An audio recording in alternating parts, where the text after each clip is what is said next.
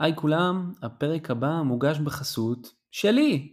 אם אתם uh, מחפשים יועץ product לסטארט-אפ שלכם, או שאתם מכירים מישהו שמחפש יועץ product בשלבים של seed או pre-seed, uh, אתם מוזמנים להעביר אותם אליי. יש לכם את הפרטים שלי כנראה בטוויטר, וואטסאפ, whatever, תפנו אליי והאזנה נעימה.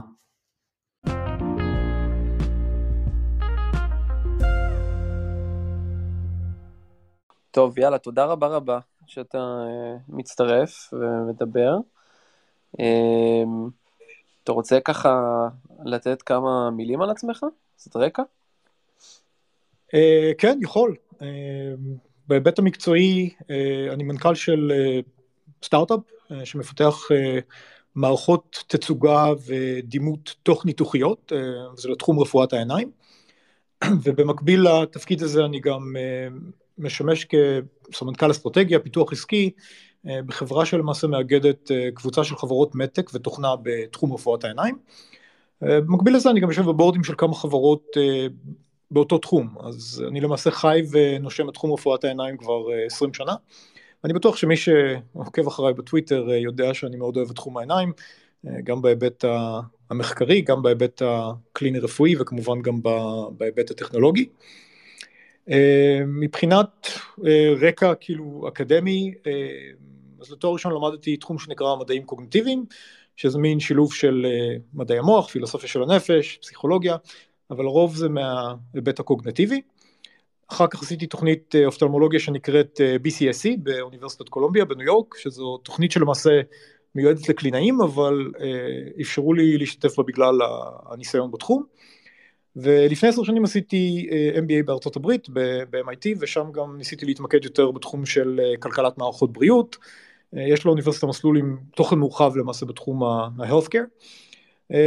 ולסיום, כאילו עכשיו אני עושה גם תואר שני נוסף ב-UCL בלונדון במנהל מערכות בריאות או MPH, וזה עם דגש על אפידמיולוגיה של מחלות עיניים, שזה התחום שלמעשה שאני מתעתד לכתוב עליו את התזה. אה, וזהו, תשמע, וכשאני אומר את כל זה זה נשמע קצת מרשים, אבל אה, למען הסר ספק המציאות הרבה יותר אה, אפורה מזה. מה זה, מה זה אומר מציאות אפורה? אתה יודע, זה בדרך כלל לא יוצא לי כל כך ככה לתאר את עצמי, וכשאני שומע את עצמי מתאר את עצמי, אז נשמע קצת, קצת וואו, כאילו כשאני שומע את התיאורים של עצמי על מה אני עושה, אבל אתה יודע, היום יום הוא הרבה יותר אה, אה, יבש ועבודה סיזיפית ודברים אפורים ולא, אתה יודע, לא איזשהו משהו ש, שאפשר לפרסם עליו. זה לא חומר לפרסומות. הבנתי, אבל לא, איך, איך הגעת דווקא לעולם של רפואת עיניים בעצם? כאילו... זה תחום שתמיד אהבתי, כלומר, אהבתי את התחום הרפואי, את התחום המדיקלי. והתפקיד הראשון שלי היה בחברה שהיא גם בתחום המדיקל. אה, אבל זה היה כזה entry level job, אה, ובהמשך טיפסתי אה, וידעתי שאני אוהב את תחום המדיקל וההתמקדות נעשתה אחר כך יותר ממוקדת לתחום העיניים אחרי פרק זמן קצר. ומאז שנכנסתי לעולם הזה של עולם העיניים בערך לפני 20 שנה נשאבתי לזה ו- ולא עזבתי וגם אני לא מתכנן לעזוב, never say never אבל בשלב הזה אני בהחלט לא מתכנן לעזוב את התחום הזה כי זה תחום שהוא מאוד כזה מוגדר. אה, זה איבר שהוא מאוד מאוד מורכב, אה, יש בו למעשה חלקים שהם גם נוירונליים, למעשה הרשתית היא, היא שכבה מוחית בהרבה היבטים ומובנים, אה, ויש בו גם אופטיקה מאוד מורכבת עם הקרנית, עם העדשה, ופיזיולוגיה מאוד מרשימה ואנטומיה מיוחדת, אז זה איבר שאפשר מאוד ללכת בו לאיבוד בכל מיני כיוונים במובן הטוב של המילה. וקשה קצת למצוא את זה באיבר כל כך מגודר וקטן יחסית ויפה בחלקים אחרים בגוף, אז אה, קשה לי מאוד, יהיה לי מאוד קשה לעזוב את העולם הזה, גם אם ההזדמנות תגיע אה, מכיוונים אחרים, והיו הצעות כאלה בעבר, וזה פחות קסם לי נניח לעסוק בתחום הדרמטולוגיה או אסתטיקה או דברים מהסוג הזה, כי זה לא רק שיקול כלכלי של אוקיי, יכלתי להרוויח שם יותר, אלא אתה רוצה ליהנות ממה שאתה עושה, אז זה בהחלט משהו שהוא נדבך כזה מרכזי בחיים שלי. מה אתם, אה, מה אתם מייצרים, בונים היום בעצם, ממש ספציפית ב-MSI?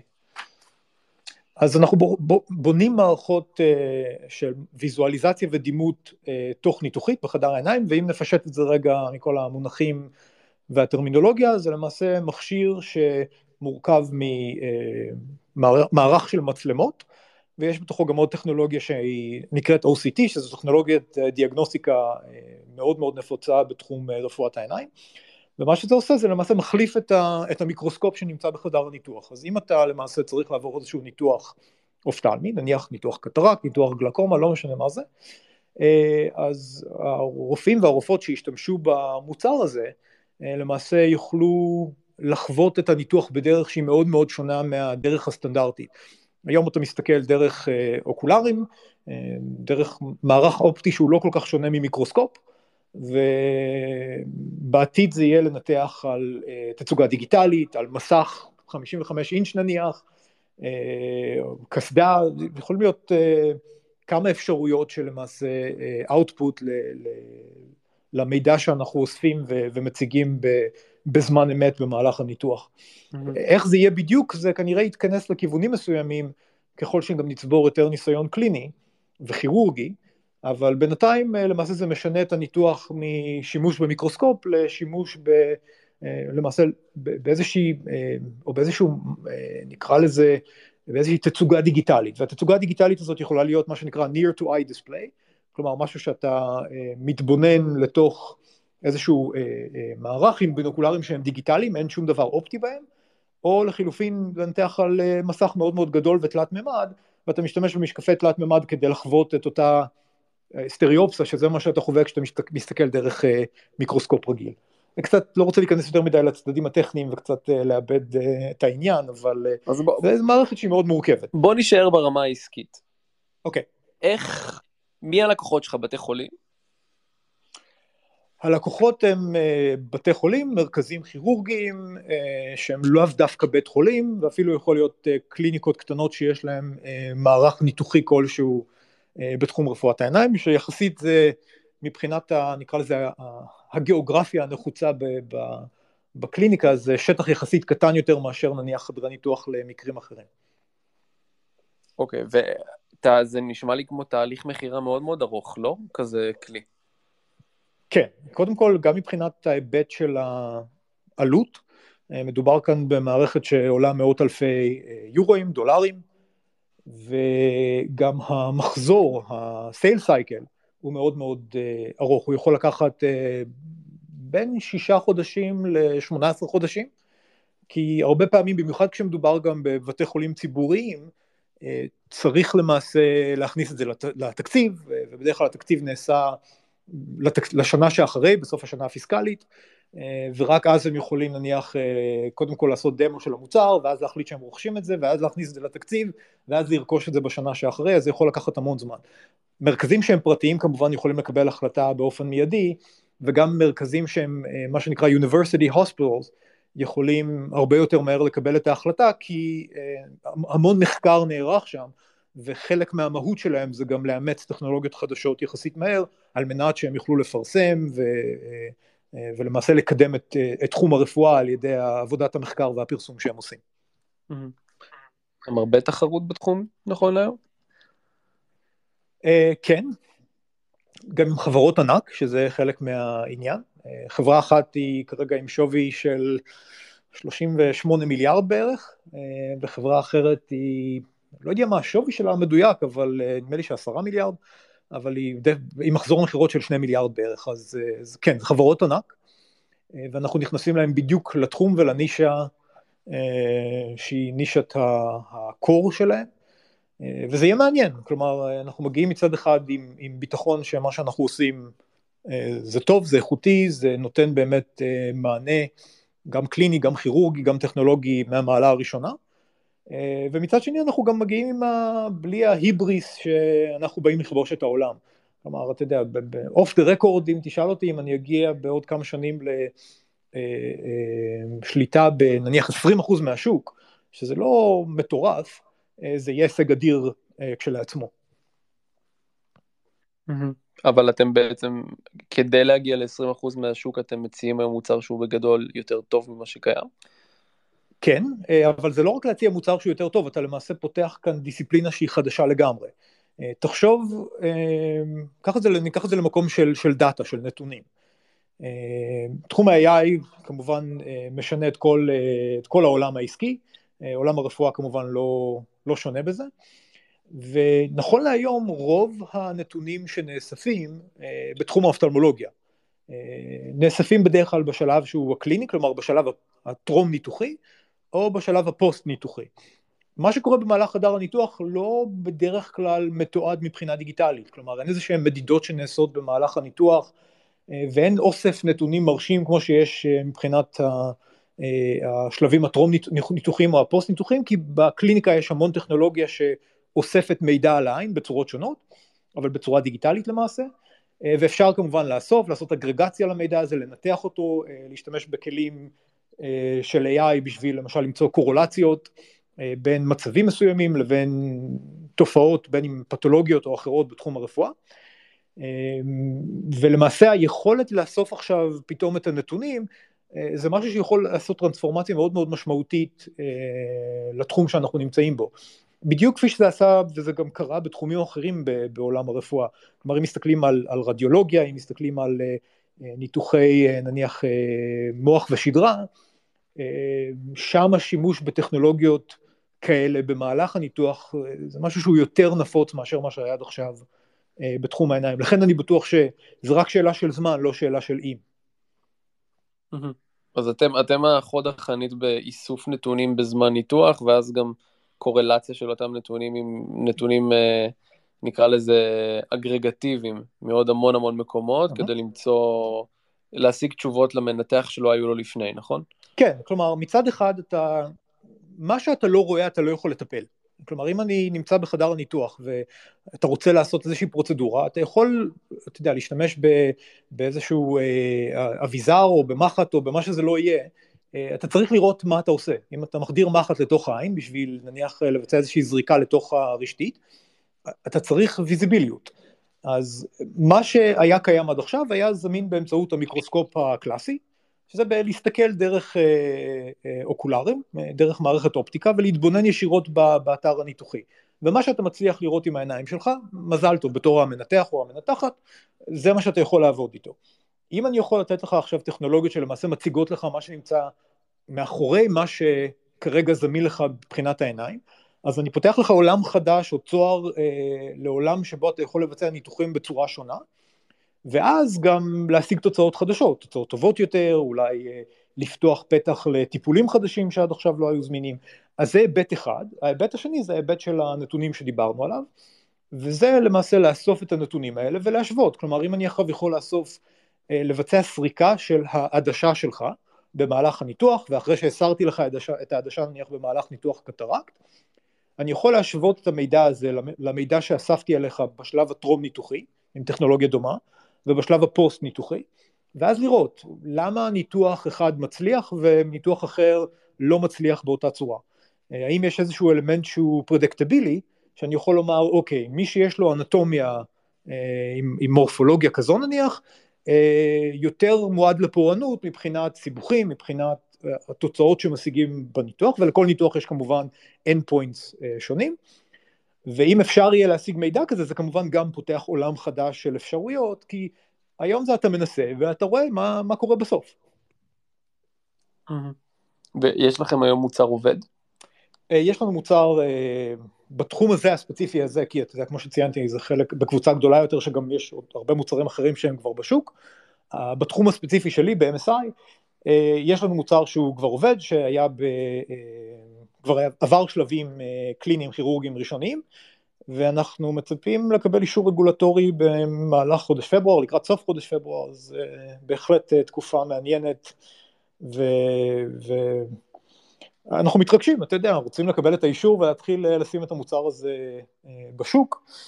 כל המרכזים הרפואיים שהיינו בקשר איתם במהלך הפיתוח, הם כולם מאוד נלהבים, מאוד רוצים לקחת חלק בזה.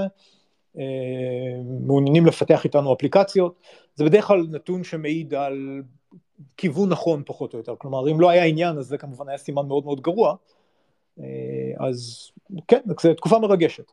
מה, מה אתה משקיע את מרבית זמנך עכשיו בעצם? כרגע זה בשני אפיקים, אפיק אחד זה אפיק של זיהוי ופיתוח של טכנולוגיות שיכולות לשמש כאפליקציות על הפלטפורמה הזו, וזה לתחומים שהם מאוד ספציפיים בתחום רפואת העיניים, סאב דיסציפלינות של תחום רפואת העיניים, למשל ניתוח גלקומה הוא מאוד שונה מניתוח קטרקט. עכשיו השאלה היא מה אני יכול לעשות עם הטכנולוגיה שנותן ערך במהלך ניתוח גלקומה שהיום לא קיים או לא זמין. ויש לא מעט, שוב, אפשרויות כאלה, והשאלה היא איך מתרגמים את היכולות הטכנולוגיות שקיימות לאפליקציות שנותנות ערך אמיתי לקלינאים, לקלינאיות, לכירורגים, לכירורגיות, וזה משהו ש... אזור אחד שאני מתעסק איתו, ואני מתעסק איתו כי זה גם תחום שאני אוהב, כלומר זה ה... אני נשאב לשם יותר בקלות, גם אם אני צריך להשקיע ב... יותר בדברים אחרים, כי זה הצד שאני אוהב בעבודה, העבודה עם החוקרים והחוקרות שאנחנו אה, בשיתופי פעולה איתם, אה, ומצד שני זה שת"פ אסטרטגי עם איזושהי חברת ענק, אה, זה כבר פורסם את האמת, חלק מאולי מכירים את השם באו שלום, חברת ענק בתחום האופטלמולוגיה, סביר להניח שמי שמאזין או מי שיאזין בעתיד אולי משתמש במוצרים שלהם, עדשות מגע, טיפות וכאלה, וזו חברה של גם, של מיליארדים, והיא למעשה תהיה ערוץ הפצה למוצר הזה, כי הם מאוד חזקים בתחום חדרי הניתוח, אז בשלב מסוים, בתחילת, אמצע התהליך, הייתי צריך לקבל את ההחלטה הקשה, האם אנחנו מביאים את המוצר הזה בעצמנו לשוק, או האם אנחנו עושים את זה בשיתוף פעולה אסטרטגי עם מישהו שיעשה עבודה טובה יותר ב-customer facing, אה, בצד של ה-customer facing. טוב, זה נשמע הגיוני אבל שתלך עם חברת הפצה, ככה אתה יכול להתמקד בטכנולוגיה ובפלטפורמה ולא? מצד אחד כן, מצד שני אתה יודע, כל דבר מגיע עם תג מחיר. אה, ברגע שאתה נכנס למיטה, so to speak, עם חברת ענק, אתה סובל מהבעיות של עבודה עם חברת ענק, אה, שזה ארגון שהוא יכול להיות יותר בירוקרטי מהארגון שאתה נמצא בו היום. אה, שזה יכול להיות גם אה, צורת עבודה שהיא מאוד שונה, אה, חילוקי דעות בנוגע לאיך למצב את המוצר והטכנולוגיה, עם איזה חוקרים או חוקרות רצוי וראוי לשתף פעולה, איך, איך נמנעים מלדרוך אחד לשני על, על האצבעות. יש כל מיני שיקולים, בסט של שיקולים בקבלת החלטה מהסוג הזה, וזה לא היה מובן מאליו, כלומר היו לנו אלטרנטיבות שהן לא חברת ענק, אה, היו גם חברות בינוניות ויש גם את חברת האם בקבוצה שאני נמצא בה שגם לה יש ערוצי הפצה לא רעים אבל הם לא מתמקדים בתחום חדרי הניתוח. אז מצד אחד אפשר להגיד אתה יודע למה שלא נבנה את היכולות האלה? כאיזשהו משהו חלק ממשנה אסטרטגית שאומרת אנחנו בונים עוד אה, רגל שהחברה יכולה לעמוד עליה אה, בכניסה לתחום הניתוחי. אבל קיבלנו את ההחלטה האחרת ויש לה יתרונות ויש לה חסרונות אה, אני מקווה שיותר יתרונות מחסרונות, אבל אתה יודע, only time will tell, אנחנו נראה את זה כנראה ב... בתקופה שתגיע ובעבודה הראשונית, וכנראה תוך שנה, שנתיים אני אוכל להסתכל אחורה ולומר האם עשינו את הדבר הנכון, או אם אה, זו הייתה טעות אה, בשיקול הדעת שאפשר או לא היה אפשר לצפות בשלב שההחלטה התקבלה. ואיך זה מרגיש, איך מתבטא העובדה שאתם בעצם חברת בת של חברה גדולה יותר? כאילו, מה, מה זה שונה מסטארט-אפ ש... יש מאין? זו שאלה טובה. אמ, המהלך של החברה הזו הוא תוצר של מה שנקרא intrapreneurship במקום entrepreneurship. אה, וזה מין אה, יזמות שהיא יזמות תוך ארגונית. וכמו כל חברה גדולה, אה, יותר קשה לעבור, לבצע תהליכים של אינובציה, ולמעשה ארגון קטן יותר יהיה יותר אג'ילי, יהיה יותר יעיל ויהיה יותר ממוקד מטרה מאשר חברה שהיא ענקית.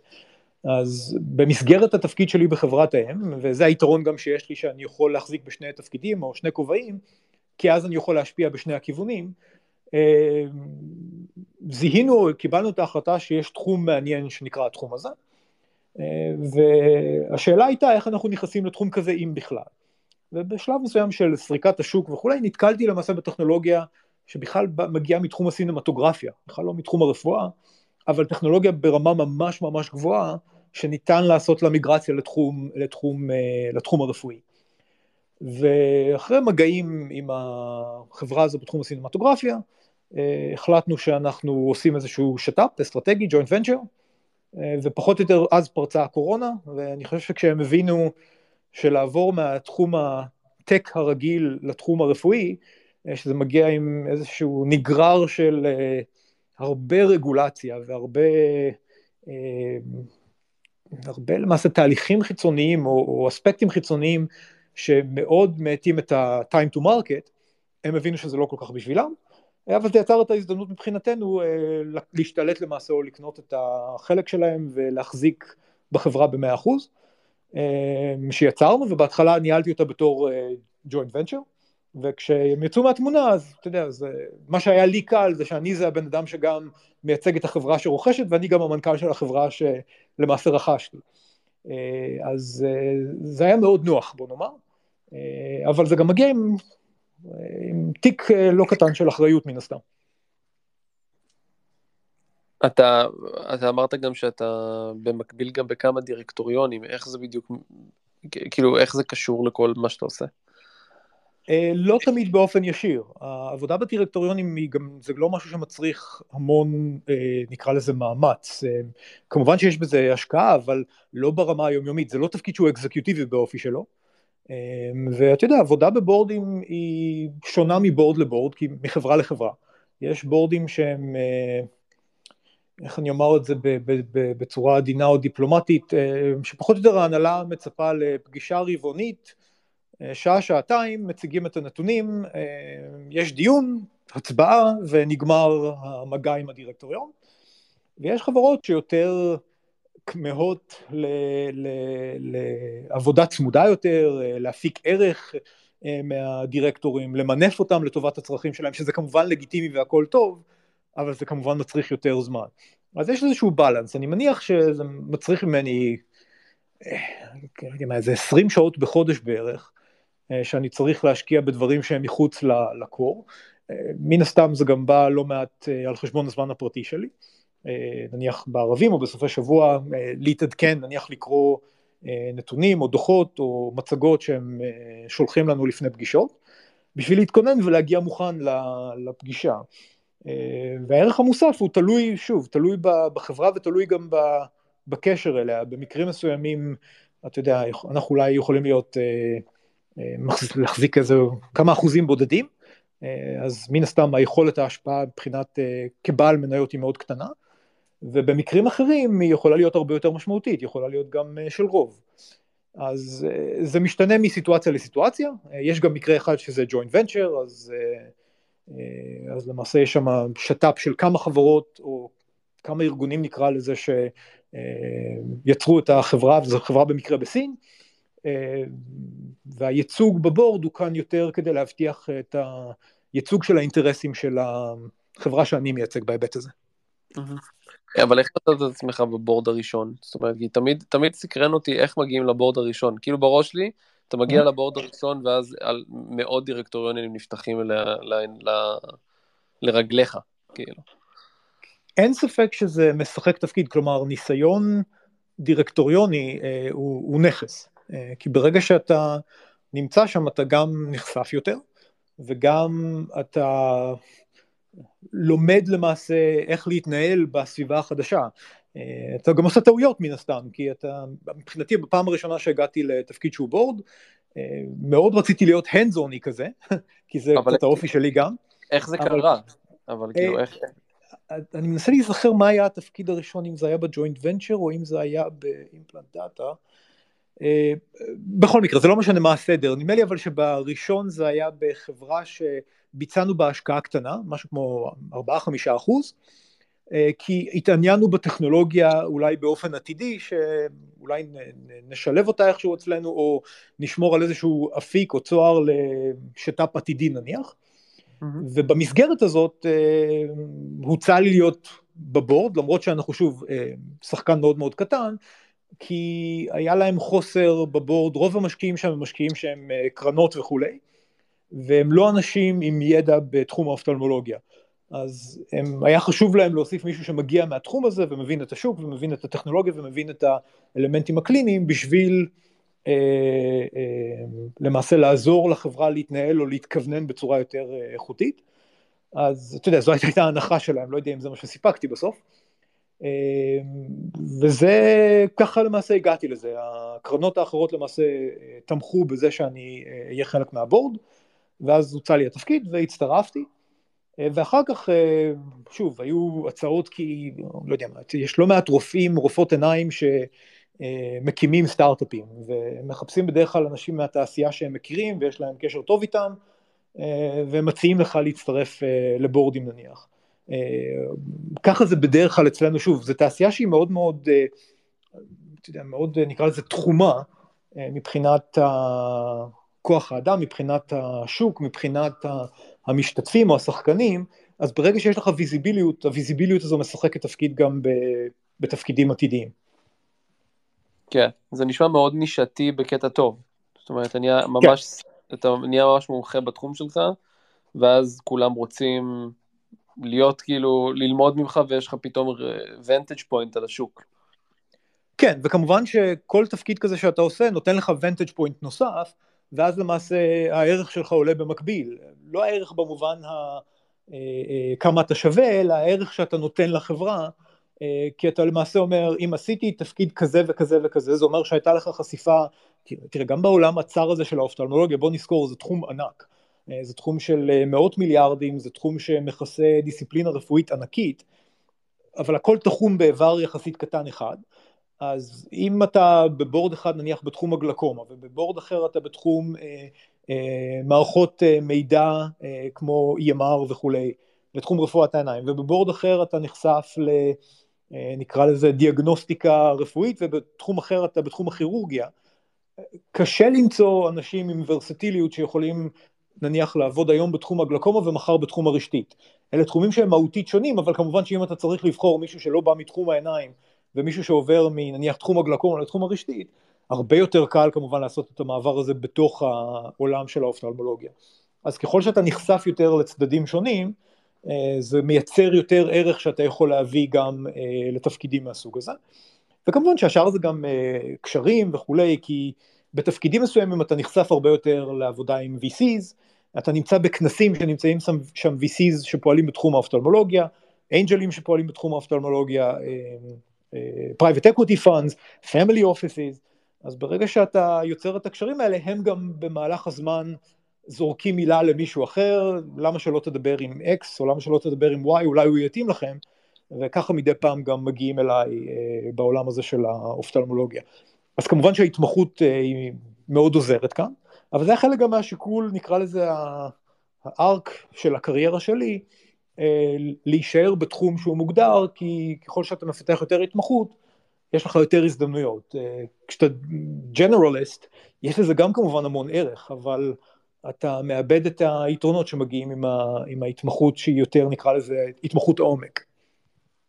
כן, נשמע מאוד הגיוני. מה היית אומר שזה, מה, האתגר הכי רציני עבורך כרגע? שאלה טובה, הייתי אומר אה, לעשות את הטרנספורמציה הזו בעולם חדרי הניתוח בתחום האופטלמולוגיה מהתחום שהוא איך שהוא נראה היום, שהוא מאוד מאוד נקרא לזה אנלוגי באופי שלו, מערכות אופטיות, לתחום שהוא דיגיטלי אה, ולתחום שמצריך לרופא או לרופאה שמנתחים לעשות, אה, לשנות את צורת החשיבה שלהם באופן כללי. וזה לא קל, כי אה, רופא עיניים זה הכשרה שנמשכת המון המון שנים, מן הסתם כמו כל תחום רפואי. אז קודם כל עוברים את כל בית ספר לרפואה, ואחר כך את ההתמחות, ואחר כך תתי התמחות ופלושיפס וכולי, וכל התקופה הזו שיכולה להימשך יותר מעשור מן הסתם, העבודה היא מיקרוסקופ כירורגי, במיוחד אלה ששוב אה, הולכים או הלכו לתחום הכירורגיה. ו... אחרי שאתה מגיע לרמה כזו של התמחות, לא קל לומר, אוקיי, אני מוותר על האביזר שאיתו עבדתי כל התקופה הזו, שאיתו התמחיתי, שאותו אני מבין הכי טוב, שאליו אני הכי רגיל, שאיתו אני מנתח בנוחות, ועובר למשהו חדש, רק בגלל שזה אינובציה. כמו בכל תחום אחר, לא קל לבני אדם אה, לעזוב את המוכר והנוח ולעבור למשהו החדש. יש כמובן כאלה ש... עושים את המעבר הזה יותר בקלות, גם בתחום הרפואי, אה, והם ה-early adopters, הם אלה שלמעשה אה, בחוד החנית אה, של השינויים שהתחום הזה עובר, וזה נכון שוב לכל תחום רפואי.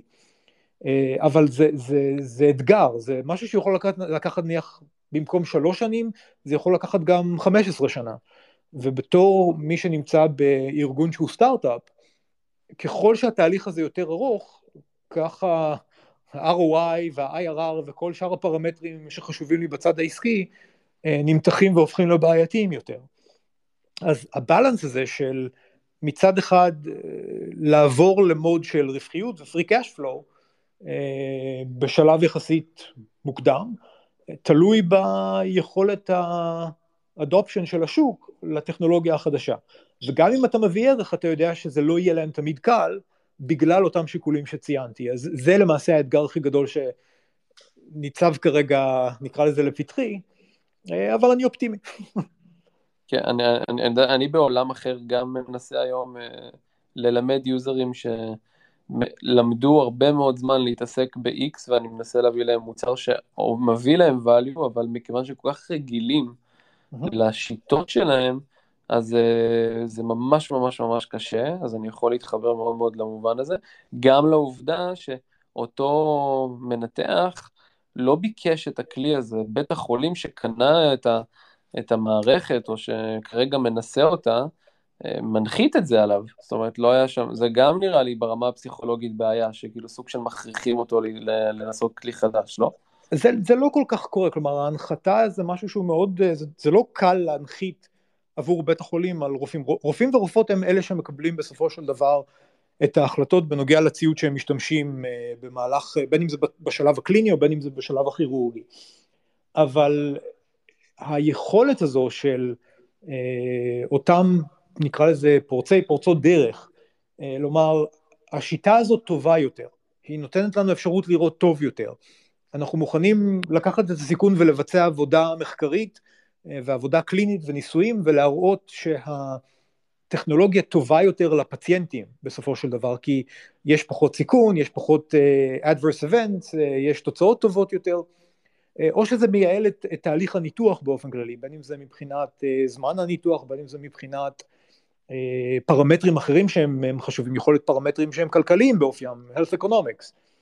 uh, ברגע שהם מצליחים להגיע לרמה הזו של ההבנה אז השאר מתחיל לקרות מעצמו. עכשיו, זה יכול לקחת יותר זמן, אבל באופן כללי מתחילים להיות יותר פרסומים, מתחילים להיות יותר אה, מה שנקרא פודיום פרזנס, שבכנסים גדולים רופאים ורופאות שעובדים עם הטכנולוגיה החדשה מציגים את מה שהם עובדים עליו, אה, וזה מייצר עניין, ואז פתאום עוד בתי חולים ועוד בתי חולים רוצים, ויש איזושהי תחרות סמויה, זה כמו אה, מרוץ חימוש נקרא לזה, אם אה, בית החולים המוביל בארצות הברית בתחום רפואת העיניים, נניח ווילס איי, אה, קנה מערכת כזאת, אז ג'ונס הופקינס לא יכול אה, לומר, רגע, הם עושים עבודה סופר מתקדמת בתחום הכירורגי ואנחנו נשרכים מאחור.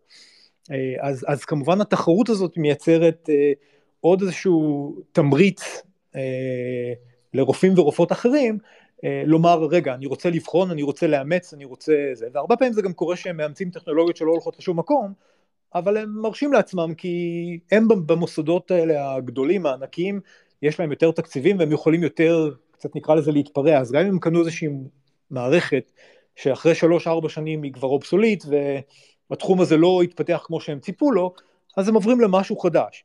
הקליניקה קטנה או בית חולים קטן לא יכול להרשות לעצמו להתנהג באותה צורה, אז שם מן הסתם מעדיפים לקנות משהו שהוא of, כאילו tried and proven, אה, זה כזה, אתה צריך משהו שבאמת ידוע שהוא עובד ומוצק ויציב, כמו הבדיחה הזאת שפעם אף אחד אה, לא פוטר אה, בגלל שהוא קנה IBM, אז, אז על אותו עיקרון כאן, אף אחד לא פוטר כי הוא קנה מיקרוסקופ אופטי, כי זה, זה הטכנולוגיית הבסיס, זה ה-bread and butter. אבל המטרה שלנו בתור נניח חברות בתחום המתק ואנשים שעוסקים בצד האינובציה, זה להוביל לשינוי הזה, וזה נעשה בעבודת צוות, כלומר זה חלילה לא מגיע רק מהצד הטכנולוגי עסקי, אלא אה, המון רופאים ורופאות שהם אה, עם, עם forward thinking, אה, עם מחשבה פורצת דרך, עם, עם נכונות לקחת סיכון, עם נכונות להשקיע המון זמן ואנרגיה במשהו שיכול גם להתברר כ... כלא טוב או כלא איכותי או כלא משהו שמדלבר את המטרה הסופית שלשמה נתכנסנו. ובזכותם ובזכותן אנחנו מגיעים לאן שאנחנו מגיעים. מובן. אמ, מבחינת מודל עסקי, זאת אומרת, אמרת שזו מערכת שעולה מאות אלפי דולרים, אבל אתם, זה, one-off payment, או שאתם רוצים להיות גם פלטפורמה של subscription שהם, אתם כזה כמו טסלה, עושים להם עדכונים כן. over the air, ומביאים להם עוד אפליקציות וטירים וכל העולם הזה? אה, לגמרי הייתי רוצה, אה, אבל יש כאן עוד שיקולים מן הסתם שהם אה, יכולים להכריע את הכף. הכיוון הכללי זה שבשלב הראשון יש את פלטפורמת הבסיס, שזה מה שרוכשים. בשלב השני יהיו פיתוחים על בסיס הטכנולוגיה שיכולים להיות ברמה האפליקטיבית, למשל אם כל הטכנולוגיה כבר ארוזה לתוך המוצר, ואני עכשיו יכול לפתח איזשהו פתרון תוכנה שמתבסס על נניח על טכנולוגיית ה-OCT שנמצאת כבר בתוך המכשיר וסורקת את העין, ועכשיו במקום להציג את הסריקה בצורה אה, של B-scan, מין היצג דו-ממדי כזה, אני יכול אה, ליצור תמונה תלת-ממדית לאורך זמן, מה שנקרא 4D imaging, אז זה נותן איזשהו ערך חדש. עכשיו, אם הערך הזה מתרגם ליכולת קלינית כירורגית חדשה, אז מי שירצה לקנות את זה, אה, ומתוך הנחה שרבים ירצו לקנות את זה, אה, יכולים לקנות את האפליקציה. אז מבחינתי, אתה יודע, כמובן שלמכור מוצר שהוא תוכנה זה זירו קוגס, אבל כמובן יש את כל ההשקעה שנכנסה לתהליך הפיתוח, אז כמובן שצריך להיות אה, ROI יפה, וזו דרך אחת להשיג החזר נוסף, על ידי פיתוח של אפליקציות לפלטפורמה, והדבר הבא זה כמו שציינת, האם אני יכול באמצעות השירות, נניח למכור חוזה שירות, האם אני יכול אה, למצוא איזשהו מודל של subscription שכן יכול לעבוד. ה subscription זה הדבר הכי קשה, כי יש אה, חוסר נכונות אה, מצד בתי החולים, במידה לא מבוטלת של צדק גם, אה, להתחייב למודלים של subscription, אבל הכל שאלה של מה המוצר ומה הערך שהוא נותן. אם הצלחת לפתח איזשהו מוצר שאתה יכול, שהוא ממש עובד בצורה נהדרת ומציג ערך נהדר מבחינה קלינית כירורגית, אם זה המודל העסקי, בסוף השוק נניח יתיישר לפי זה. אבל אתה צריך להביא משהו שהוא ממש פורץ דרך ושהנתונים מוכיחים בצורה חד משמעית, ללא רבב של ספק, אה, שזה ה-next best thing after slice bread מה שנקרא, שזה באמת מה שעובד. ואז תהיה נכונות כזו. אם לא, אז כמובן שהפושבק יהיה הרבה הרבה יותר אה, רציני אה, מצד אה, הרוכשים הפוטנציאליים. כן.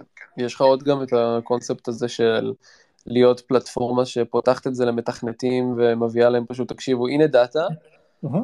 אתם תחשבו על כל מיני use cases ודברים כאלה, ואז אתה גם, אתה יודע, כמו להיות ה App Store, אתה מבין? אני לא יודע כמה כן. אפשר לעשות את זה עם טיפה וזה, אבל עדיין נשמע כאילו שזה יכול להיות מעניין. זה לא קל כי יש שיקולים רגולטוריים, אה, כלומר ברגע שאני מכניס איזשהו מוצר של אה, תוכנה או חומרה לתוך הפלטפורמה שלי, אני לוקח את האחריות בתור מה שנקרא legal manufacturer אה, למוצר הזה, אז אני צריך גם לעבור את כל משוכות ה-CE וה-FDA וה-SFDA בסין וה-MHLW ביפן וכו' וכו', אז זה לא קל. מצד שני, מה שכן אפשר לעשות, אפשר למשל בשביל נניח לעשות אה, פרליזציה של תהליכי פיתוח, אפשר לומר למעשה, אה, אוקיי, אני יכול לעבוד עם בית תוכנה חיצוני, שיש לו איזושהי התמחות אה, בתחום מסוים, נניח עיבוד תמונה, או עיבוד תמונה בתלת מימד, או משהו מהסוג הזה, ולתת להם משימה, ושהם יפתחו את המוצר עבורי, את האפליקציה, ואני אחר כך אשלב את זה ביחד עם הסורס קוד, ביחד עם כל הדוקומנטציה, לתוך המערכת שלי. אה, לפתוח את זה ממש כפלטפורמה כמו שאתה מתאר, זה שוב, הקושי הוא רגולטורי במהותו, אז אני לא רואה את זה כל כך קורה, אה, למרות שכרעיון זה רעיון נהדר, כלומר אם, ה, אם הרגולציה לא הייתה כל כך מחמירה, יכול להיות שהיינו רואים יותר אה, מודלים כאלה, ואנחנו כן רואים את זה בעולם אחר בקבוצה, למעשה יש לנו פלטפורמה שהיא פלטפורמת ניהול תמונה או ניהול מידע ויזואלי, בתחום האופטלמולוגיה, ואנחנו יכולים שם להקצות מקום, כמו אתה יודע, ב App Store או ב...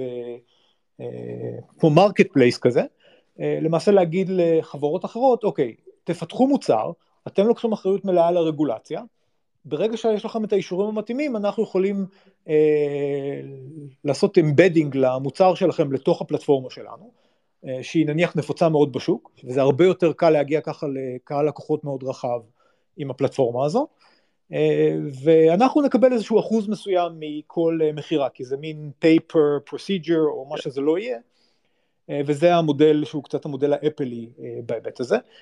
זה כיוון שהוא בשלבים מאוד ראשוניים, אז אני לא יכול לומר לך אם זה באמת יצליח, אבל אנחנו מאמינים שזה כיוון שהוא גם יכול להיות מאוד מעניין, כי הוא גם, יש בו ווין ווין, הוא גם עוזר לחברות סטארט-אפ קטנות לפתח מוצר ולהגיע למסות של לקוחות מהר יותר, מבלי כל העומס הכלכלי שכרוך בזה. ומצד שני זה נותן לנו גם עוד אינובציה, כי אתה אומר הפלטפורמה שלנו שהיא גם ככה אהובה ומוערכת, נותנת פתאום ערך מוסף בצורה של אה, טכנולוגיות נוספות שהן לבחירת הרופא או הרופאה. ואם הם לא רוצים את זה, הם לא חייבים לקנות את זה, אבל אם הם רוצים את זה, אז הפלטפורמה שלנו היא ה-enabler למוצרים הנוספים. כן, בסוף אתה הכביש והם הרכבים על הכביש, ועדיף להיות הכביש בעצם.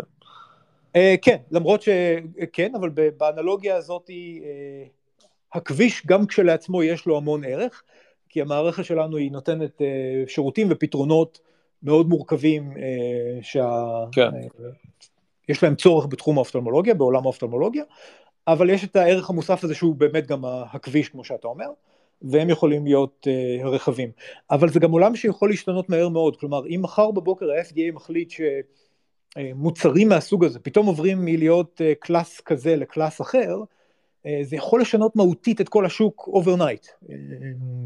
וזה דברים שקרו בעבר, זה לא איזשהו משהו שהוא דמיוני. ולכן גם צריך להיזהר. אני מאוד נרתע מאסטרטגיות חמש שנים קדימה. זה בדרך כלל לא, לא משהו שמדבר אלינו בחברה ובקבוצה שאני נמצא בה, אנחנו הרבה יותר מעדיפים להסתכל שנה קדימה, שנתיים קדימה, אה, ופחות לעשות תכנונים חמש עשר שנים, כי זה כבר לא, אנחנו לא חיים בעולם הזה שאפילו אפשר להציג תוכניות חומש ודברים מהסוג הזה, זה לא, זה לא עובד, אז, אה, וזה גם שמנו לב שזה עובד לנו יותר טוב כשאנחנו מתכננים לטווח קצר יותר, הרבה יותר קל לעשות את השינויי תנועה לכיוון כזה או אחר, אה, מאשר אה, תוכניות ארוכות טווח שאנשים מפתחים איזשהו כזה מין emotional attachment אליהם, ויותר קשה להם לוותר על, על רעיונות, גם כשברור כבר לכל בר דעת שהרעיון הזה לא, לא viable.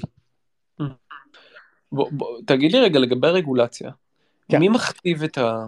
מי מכתיב את הקצב? זאת אומרת, אם, אם נגיד השגתם את אישורי ה-FDA, mm-hmm. אז uh, איך קראת להם בסין? ה-SFDA? כן, זה ה-State uh, Food and Drug כן, Administration, כן, אז, אז הם, לא כזה כבר אומרים, טוב, תשמעו, החבר'ה האלה קיבלו FDA, אז בואו ניתן להם ככה, בואו נעשה להם איזה משהו מזורז ונביא להם גם SFDA, או שמעבירים אותך עכשיו סמטוחה כזו מראש. I wish, מה שנקרא. Um, אני, אני אפילו אומר לך יותר גרוע מזה. Um, יכול להיות שיש לך איזשהו מוצר, נניח, uh, שמיועד לדיאגנוסטיקה של, נניח, המקטע הקדמי של העין. זה בדרך כלל משהו שהוא חשוב לתחום, ה, נניח לתחום הגלקומה. Uh, גם אם יש לך המון נתונים והמון אישורים מכל אירופה ומכל ארצות הברית וקנדה וכולי, כשאתה מגיע לסין או יפן, הם אומרים לך, אנחנו, לא רק שאנחנו לא מוכנים לקבל את הנתונים שכבר אספת כחלק מההגשה שלך, אנחנו צריכים שתעשה אה, איסוף נתונים על עיניים סיניות ועיניים יפניות, כי יכול להיות שיש שיקולים שהם אה, אנטומיים או פיזיולוגיים שונים, אה, פיזיולוגיים פחות, אבל אנטומיים אה, יכול להיות בהחלט, ולכן אנחנו צריכים שתעשה נניח עוד סטאדי אפילו בנוסף למה שכבר יש לך. וזה מאוד יכול להעריך את התהליך וזה כמובן יכול להוסיף עלות משמעותית לתהליך הכניסה לשוק. וזה משהו שהוא מתסכל אבל, אבל אני לא מתנגד לו עקרונית. כלומר אני כן רואה את הערך בזה למשל בתחום, ה, בתחום הנתונים אנחנו רואים שיש אלגוריתמיק בייס וכמו שזה קיים גם בתחום שהוא לא בתחום המדיקל ואני בטוח שאתה מכיר ונחשפת בתחום המדיקלי זה בא לידי ביטוי למשל אה, בזה שלא מעט נתונים נאספים נניח במדינות כמו אירופה וארצות הברית, ורוב הקהל הוא Caucasian, הוא לבן. אה, וזה למעשה יוצר בעיה, כי אם למעשה צריכים לבצע דיאגנוזה, או ליצור איזשהו reference database להחלטה האם אנטומיה מסוימת במהלך הסריקה היא נראית לנו תקינה או לא תקינה, הבסיס הוא מגיע עיניים מסוג מסוים, מעיניים מערביות. אבל גילינו גם, ואנחנו יודעים עובדתית, שלמשל אנשים עם רקע אפריקאי או אנשים עם רקע אסיאתי, יש להם אנטומיה קצת שונה לפעמים, וזה יכול להוביל לטעויות בדיאגנוזה. כלומר, אתה יכול לפספס המון פציינטים שיש להם את המחלה, אבל בגלל ההטייה האלגוריתמית, פספסת אותם, ולמעשה הם או שהם במסלול לאבד את הראייה, או שלחילופין זיהית אותם כחולים, אבל הם למעשה בריאים לחלוטין, ואתה סתם מכניס אותם לאיזשהו תהליך טיפולי שאין בו צורך באמת, רק בגלל, שוב, אותה הטיה אלגוריתמית. אז, אז יש לזה המון ערך וצורך, וכבר בשנים האחרונות, גם ה-FDA וגם אה, מקומות אחרים, הם למעשה דורשים שהייצוג בכל ה-reference database האלה יהיה תמיד אה, בפרופורציה למגוון האתני שנמצא באוכלוסייה. אז למשל בארצות הברית אתה צריך 50 אה, אחוז Caucasian נניח, 13 אה, אחוז שחורים, או African American, נניח עוד כמה אחוזים אסיאתיים, כמה אחוזים Islanders ו Pacifics, Hispanics וכולי וכולי, בשביל ששוב האלגוריתם יוכל להתחשב בכל המגוון הזה כשלמעשה מבצעים דיאגנוזה של, אה, של בני אדם. אה, נשמע, נשמע מאוד הגיוני. נשמע מאוד הגיוני, נשמע מתיש, אבל גם נשמע מאוד הגיוני. אה, אני רק אתן כאן side note, חבר'ה, אם מי שרוצה לשאול שאלות, אתם יכולים או להגיב בתגובות, יש לכם comment בצד ימין למטה, או שאתם יכולים לבקש לדבר, תרגישו חופשי. אני עושה עכשיו שינוי נושא קל, אני יודע שאתה, אחד התחביבים שלך זה שפות, גם שלי, דרך אגב. אתה רוצה לומר, לספר לנו קצת? אני גם יודע שאתה לא גר בישראל, נכון? איפה אתה גר היום? אני גר כרגע בגרמניה, כן. ואיך ה... העולם הזה של שפות התחיל בעצם בשבילך? אה, אני חושב שמילדות הייתה לי משיכה לשפות. לא יכול להסביר את זה, זה מסוג הדברים האלה שאתה יודע איך זה בתור ילד, אתה, יש לך איזושהי נישה או, או כיוון שאתה נמשך אליו, וחלק זה תחום ה... אה, נקרא לזה תחום האמנות, לחלק זה תחום המדעים, אה, ואצלי היו תחומים שונים, אבל שפות זה משהו שמאוד עניין אותי, כלומר תמיד עניין אותי להבין איך שפה בנויה, מה הקשר בין שפות שונות, אלה היו השאלות שהיו כן, לי, תמיד הציקו לי בתור, בתור ילד מגיל קטן. הייתה לי גם נטייה טבעית יחסית לשפות, לקליטה של שפות, ואני מניח שזה דברים שהם יצרו איזושהי הפריה הדדית בתחום הזה מבחינתי. ועם השנים רכשתי עוד שפות במסגרת זה שגרתי במקומות שונים. אה, העברתי חלק נכבד מהחיים הבוגרים שלי בהולנד, אז אה, למדתי את השפה ההולנדית, אה, וגם עכשיו במגורים בגרמניה למדתי גרמנית, שהיא מאוד קרובה יחסית להולנדית, אבל אני לא רוצה לתת את הרושם הלא נכון, כלומר זה א', מצד אחד משהו שהצריך השקעה עצומה, כלומר זה לא שגם אם יש לך נטייה או כישרון לשפות, אתה אוסף את זה ב... ב תוך שלושה חודשים אתה דובר ברמת שפתיהם, לא קיים כמעט דבר כזה. אה, אבל בשפות מסוימות השקעתי את המאמץ הזה מאוד, למשל באנגלית ובהולנדית השקעתי את זה בצורה שהיא לא פרופורציונלית, אה, בעיניי, או אולי ביחס לכל דבר אחר. אה, בגרמנית הרבה פחות, כלומר מבחינתי גרמנית אני רואה בזה משהו פונקציונלי רק בשביל להסתדר, למשל אם אתה יודע, חושב על התווית בגרמנית, כמו ה-the באנגלית, בגרמנית יש לך את ה-das die der, זה תלוי בג'נדר של הנאון שאתה מתייחס אליו. אה, מבחינתי פחות חשוב להיות מדויק בזה, אה, אבל למשל מבחינת דקדוק באנגלית או בהולנדית, זה הרבה יותר שיחק לי תפקיד מרכזי, כאילו לא לעשות טעויות דקדוקיות בשפות האלה. אז מכיוון שבגרמנית זה פחות הפריע לי, אז פחות השקעתי גם בלימוד, נקרא לזה, המסודר של השפה, והשפה היא הרבה יותר אה, אה, לצרכים היומיומיים שלי, גם עם צרכים עסקיים, כי לא מעט פעמים נתקלים באנשים שלא דוברים אנגלית בגרמניה, או שהאנגלית שלהם מאוד מאוד גרועה, אה, ויש לי אפילו כמה בצוות, לצערי, שהם לא דוברי אנגלית, או האנגלית שלהם מאוד גרועה, אז אני נאלץ לדבר איתם בגרמנית. אם אתה נותן לי את העדפה, כמובן שיותר נוח לי לדבר באנגלית, אבל דווקא הם נתנו לי את השירות הכי טוב ללימוד השפה הגרמנית, כי הם לא התירו לי הרבה ברירה. זה קטע, לא, לא פוגשים הרבה אזולאים שדוברי גרמנית, כאילו, אנחנו לרוב, אה, אתה יודע, מהצד הצרפתי.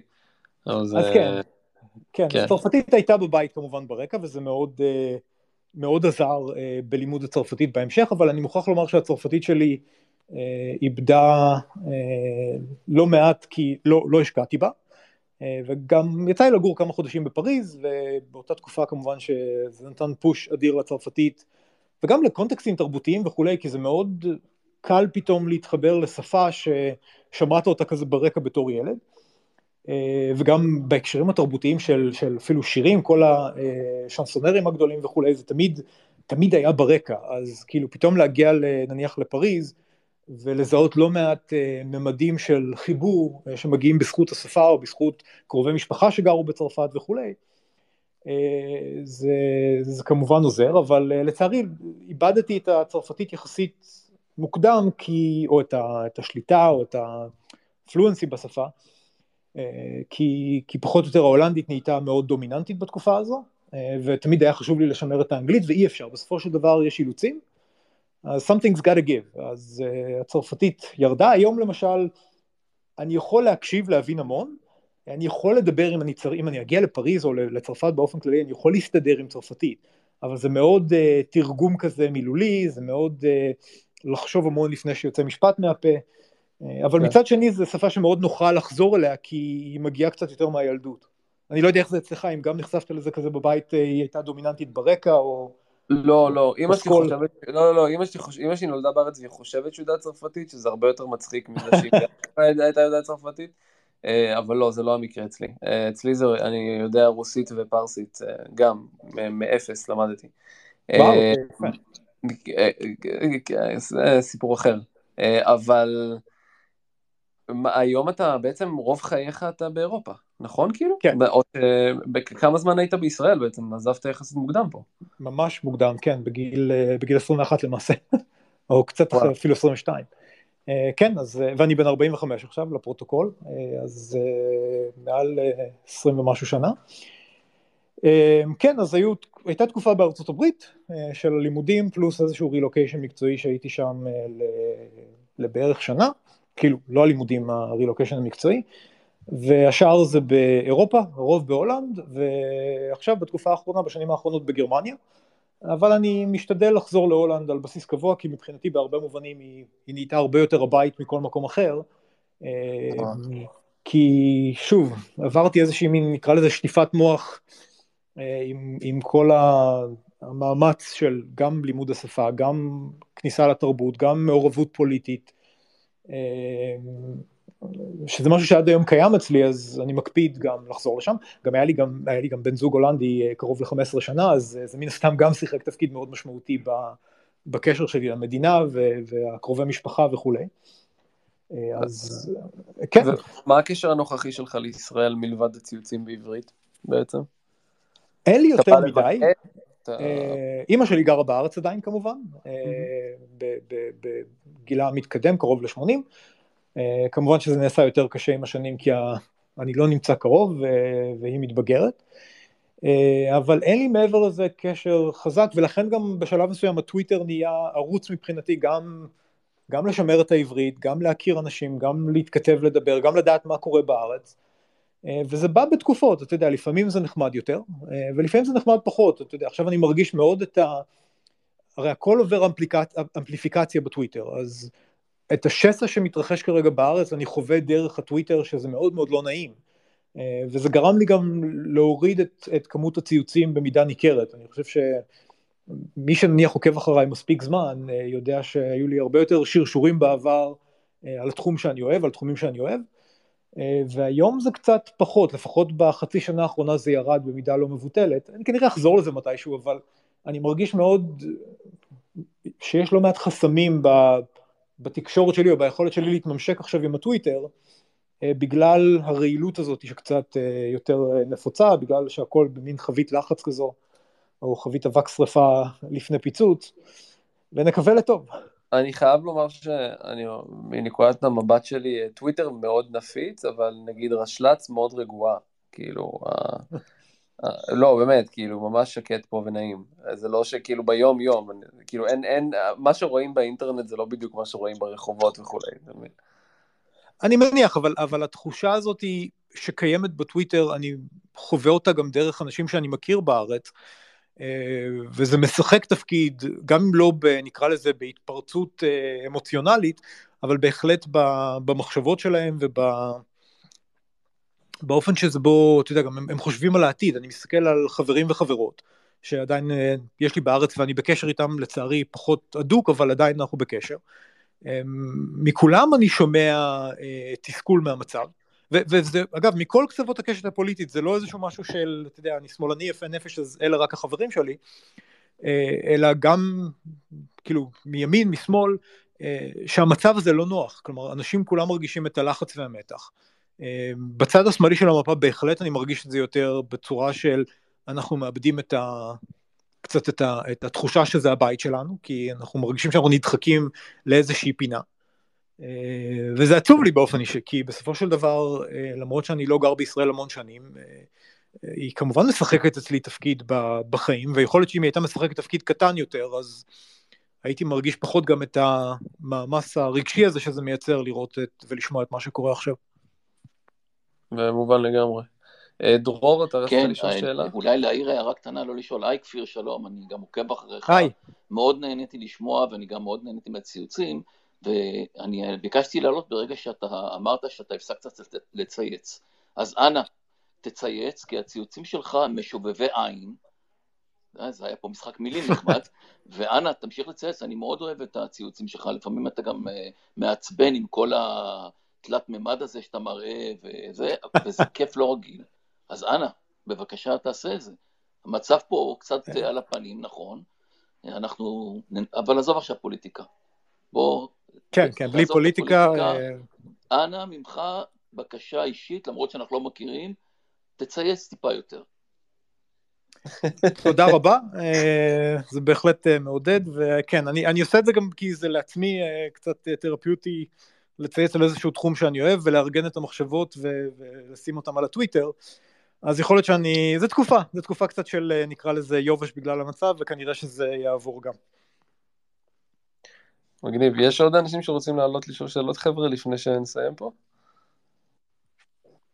going once, going twice? כפיר, מילות סיכום? Uh, תודה רבה על ההזמנה. Uh, אתה יודע, נהניתי uh, uh, לשטוח ככה את המשנה שלי ואת המחשבות על התחום שאני עוסק בו. בדרך כלל זה לא, לא יוצא לי הרבה לעשות את זה. Uh, אני חושב שבחודש האחרון, זו הפעם הראשונה, אני חושב היה לי איזשהו רעיון לפודקאסט אה, כשהייתי בכנס בספרד בשבוע שעבר, פעם ראשונה ועכשיו אה, איתך, ופתאום אני מוצא את עצמי מדבר על התחום שאני עוסק בו, על, אה, או על מצבים בין אם טכניים, טכנולוגיים, עסקיים, וזה דווקא מעניין, זה, זה, זה איזושהי דרך ככה בשבילי לחוות את מה שאני עושה פתאום מפרספקטיבה של לתאר את זה או לדבר על זה, וזה נותן קצת עניין חדש גם עבורי להחליט וואלה, זה כיוון מעניין יותר, זה כיוון מעניין פחות, אז uh, תודה על ההזמנה. בכיף. Uh, טוב, תודה לכולם שהקשבתם, ושיהיה לכולם לילה טוב. לילה טוב, תודה שהקשבתם, כן. ביי.